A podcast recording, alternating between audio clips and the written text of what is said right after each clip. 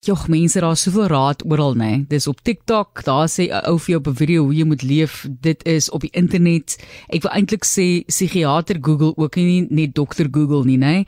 Maar ons praat met iemand wat vir jou gaan help om jouself te help. Louis Fourie gesels gesels oor selfmentorskap vir persoonlike groei en vervulling en hy is die mede-stigter van Regarding My Life, die selfmentorskapsprogram en ook die stigter van Citadel. Ons praat met hom daaroor want ja, ons het ons het nodig om onsself te help en baie mense het nie noodwendig altyd toegang tot professionele hulp nie of die geld om te betaal vir sessies om professionele hulp te kry nie. Louis, baie welkom aan jou. Hallo Matlie, dankie vir die geleentheid. So, op watter manier pas jy selfmentorskap toe in jou eie lewe? Hoe doen jy dit met jouself? vir iemand ja, jong, wat weet waarvan hy praat. Ek het nou dit aangegaan met die jare, maar toe ek jonk was, sien nou maar hierso rondom 30 as jy nou jou kop begin optel na al die leerders, jy weet, dan soek 'n ou iemand vir wie sekere goed kan vra wat jy nog nie geleer het in die skool en in die universiteit en so aan nie. En dit het my getref op daai stadium van my lewe hoe skaars dit is as jy iemand iets wil vra, maar dan moet jy baie mooi luister na wat daai persoon sê, soos jy nou sê dat dit nie 'n Google moment is nie, jy weet, en dat jy moet uh, verskriklik mooi selekteer wat jy vat daarvan. Dit het my eerstens getref. Dit is nie so eenvoudig om iemand raak te loop 'n spesifieke persoon wat nou hierdie guru is en vir jou die res van jou lewe kan uitsorteer nie. Dit ek besef, dit sou 'n vreeslike geskenk wees vir ons gewone mense as iemand eendag mentorskap kan bottel. Aan die ander woorde, sê nou maar daar was iets soos 'n perfekte mentor en nie iemand wat gelaai is en uh, met 'n sekere dogma 'n probleem het nie, weet, en jy kon na daai daai bron toe gaan en sê ek het hierdie vraag, hoe hoe sou mens dink hieroor? En daai antwoord wat dan terug sou kom na jou toe is dan betroubaar en jy kon werk daarmee. So mentorskap het ek gemis in my lewe en uh, ek het besluit eendag as ek gelukkig is en ek is jonk genoeg nog wil ek terug gaan na jong mense toe wat ernstig is oor hulle lewens en hierdie uh, en hierdie geleentheid vir hulle bied.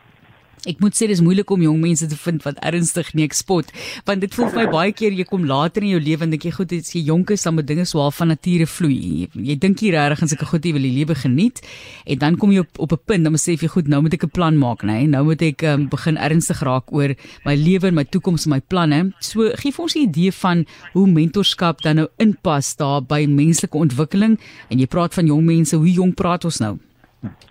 Ek dink die oomblik as jy ernstig raak oor jou lewe, party ons raak nogal vroeg ernstig oor hulle lewe en dit beteken nou nie oor ernstig en jy geniet nie jou lewe nie. Ek dink jy kan jou lewe meer geniet as jy leiding kry by uh, by iemand wat nou nie te veel stories het nie. So ek ek ek my ervaring is dat hierso so na die na die swattery, sien nou maar hierso hier na jou middel 20s toe, dan gaan daar 'n deur oop waar jy 10 teen 1 goeie vrae gaan begin vra en wonder oor sekere goed ou nie te veel karring daarmee dink as jy te jonk is nog nie en jy is in daai plek van jou lewe nie.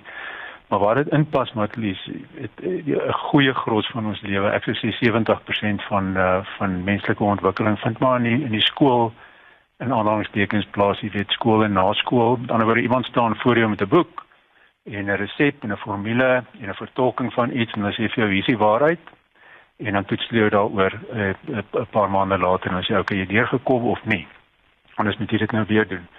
Dit hou vir 'n goeie 20 jaar na mense lewe aan die lewe van leer en tutoring waar eintlik kennis jy weet geskink word in jou in en jy het nie eintlik veel van 'n keuse of jy dit vat of nie want die toets die toets ding gaan bepaal of jy eh, of jy daar uitkom of nie.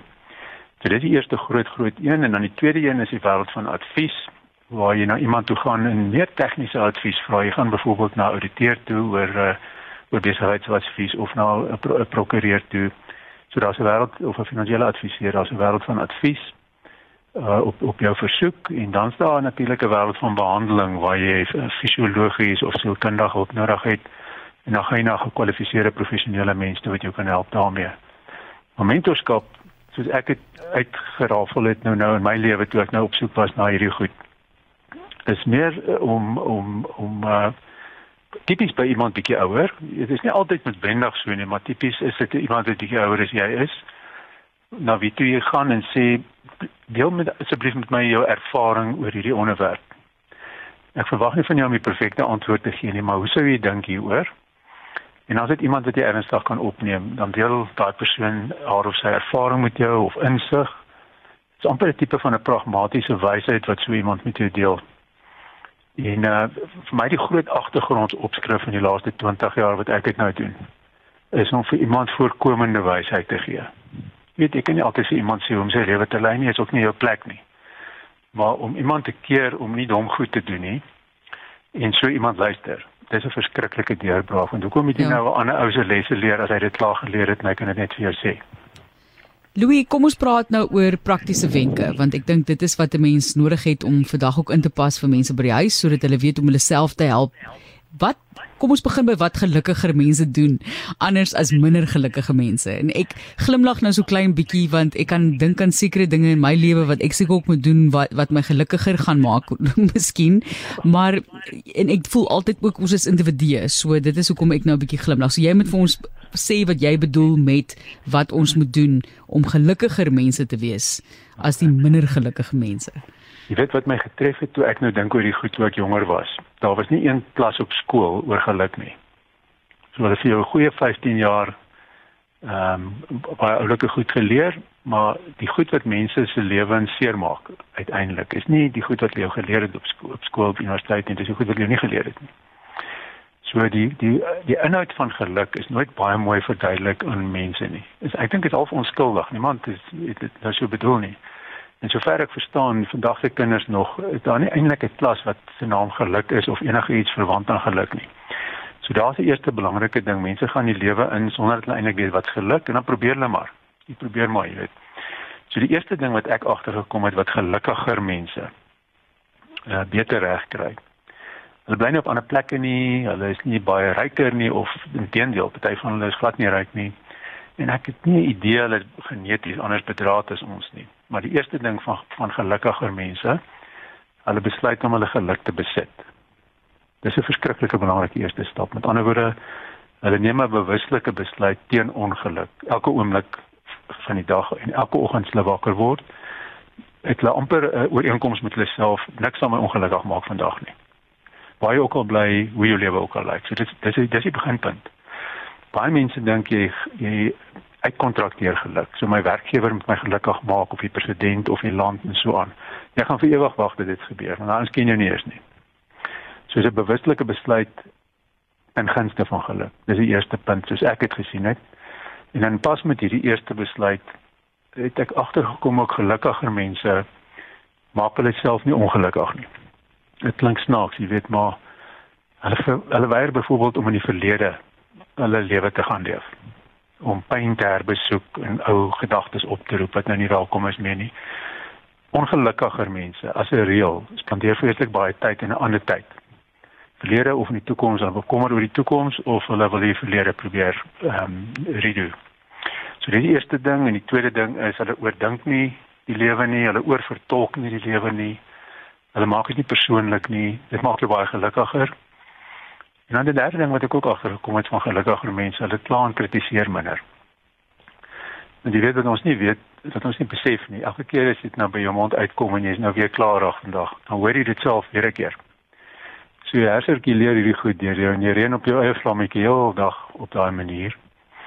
En dan miskien net 'n laaste ding of twee wat ek gesien het in gelukkiger mense, hulle geniet minder goed meer. So klein goedjies is nog steeds lekker vir hulle. En uh jy weet welvarendheid maar dis dit het 'n groot ding hierso nou dit as mense meer welvarende lewe leef dan begin jy vergeet van die van die goed wat reg kosbaar is en jy probeer dan om geluk koop wat nie eintlik koopbaar is nie. So gelukkige mense het steeds 'n oog vir klein die klein geskenke van die lewe. En dan kom ek ook agter gelukkiger mense verdiep hulle self in 'n aktiwiteit of onderwerpe of selfs 'n 'n professie wat hulle energie gee. So hulle sien eintlik uit na hulle dae en hulle sien nie uit na eendag as dit verby is nie. So jy kan sien ek soos ek geluk probeer verstaan het. Is nie eintlik is nie eintlik 'n vreeslike diep wetenskap nie, maar baie moeiliker as wat ons dink. Is ingeskakel by 360 en ons praat oor selfmentorskap. Louis Fourie is 'n mede-stigter van Regarding My Life selfmentorskapsprogram. En kyk, ons het nou letterlik 2 minute Louis moet jy vir ons verduidelik hoe werk selfmentorskap asseblief. Goed. Ek het nou daai ding nou verwys na hoe ons probeer om mentorskap te bottel. As jy nou nie 'n persoon wil moet raakloop om jou mentor te wees nie, wat doen nou dan? So ons het 'n webtuiste geskep en dit digitaal gaan verwerk en gesê hierso is die inligting wat 'n mentor met jou sou deel. Nie 'n naam nie, maar dit is dit is 'n is 'n blad waarheen jy gaan. Hierdie proses hou vir ewig aan. Dit hou nooit weer op nie want 'n mentorskap gesprek in 'n perfekte wêreld hou vir ewig aan. Jy moet dan nou net vreeslik belangrik self dit verwerk, besin oor die boodskap en die inligting, toepas in jou eie lewe. Met nou 'n bron vir jou eie fermentasie ehm um, as 'n mentee in die proses. Ons doen dit in klein stukkies, gereeld elke paar dae. So dit is nie nog 'n besige lewe wat ons nou skep vir mense nie. Dis nie 'n jagtog jagtog na 'n eindpunt of 'n eksamen of 'n kursus nie. Dis net vir absolute selffermentasie.